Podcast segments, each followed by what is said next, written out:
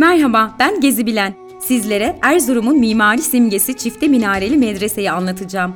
Bir diğer adı Hatuniye Medresesi olan Çifte Minareli Medrese'nin 13. yüzyılda yaptırıldığı düşünülür. İki katlı, dört eyvanlı ve açık avlulu medreseler grubunun en önemli örneği olan yapının avlusu ise dört yandan revaklarla çevrilidir. Ayrıca medresenin zemin katında 19, birinci katında ise 18 oda bulunur. Medresenin kümbeti Anadolu'da çağdaşları arasındaki en büyük türbedir. Gövdesi 12 köşeden oluşan kümbet dıştan külah, içtense kubbe ile örtülüdür. Yapının taç kapısındaki bezemelerde genellikle bitkisel öğeler kullanılmıştır. Batısında ise çift başlı kartal ve hayat ağacı motifleri öne çıkar.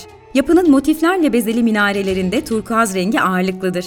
4. Murat'ın emriyle bir süre tophane, daha sonra ise kışla olarak kullanılan medrese, 1942-1967 arasında Erzurum Müzesi, bugünse hem müze hem de resim sergi salonudur.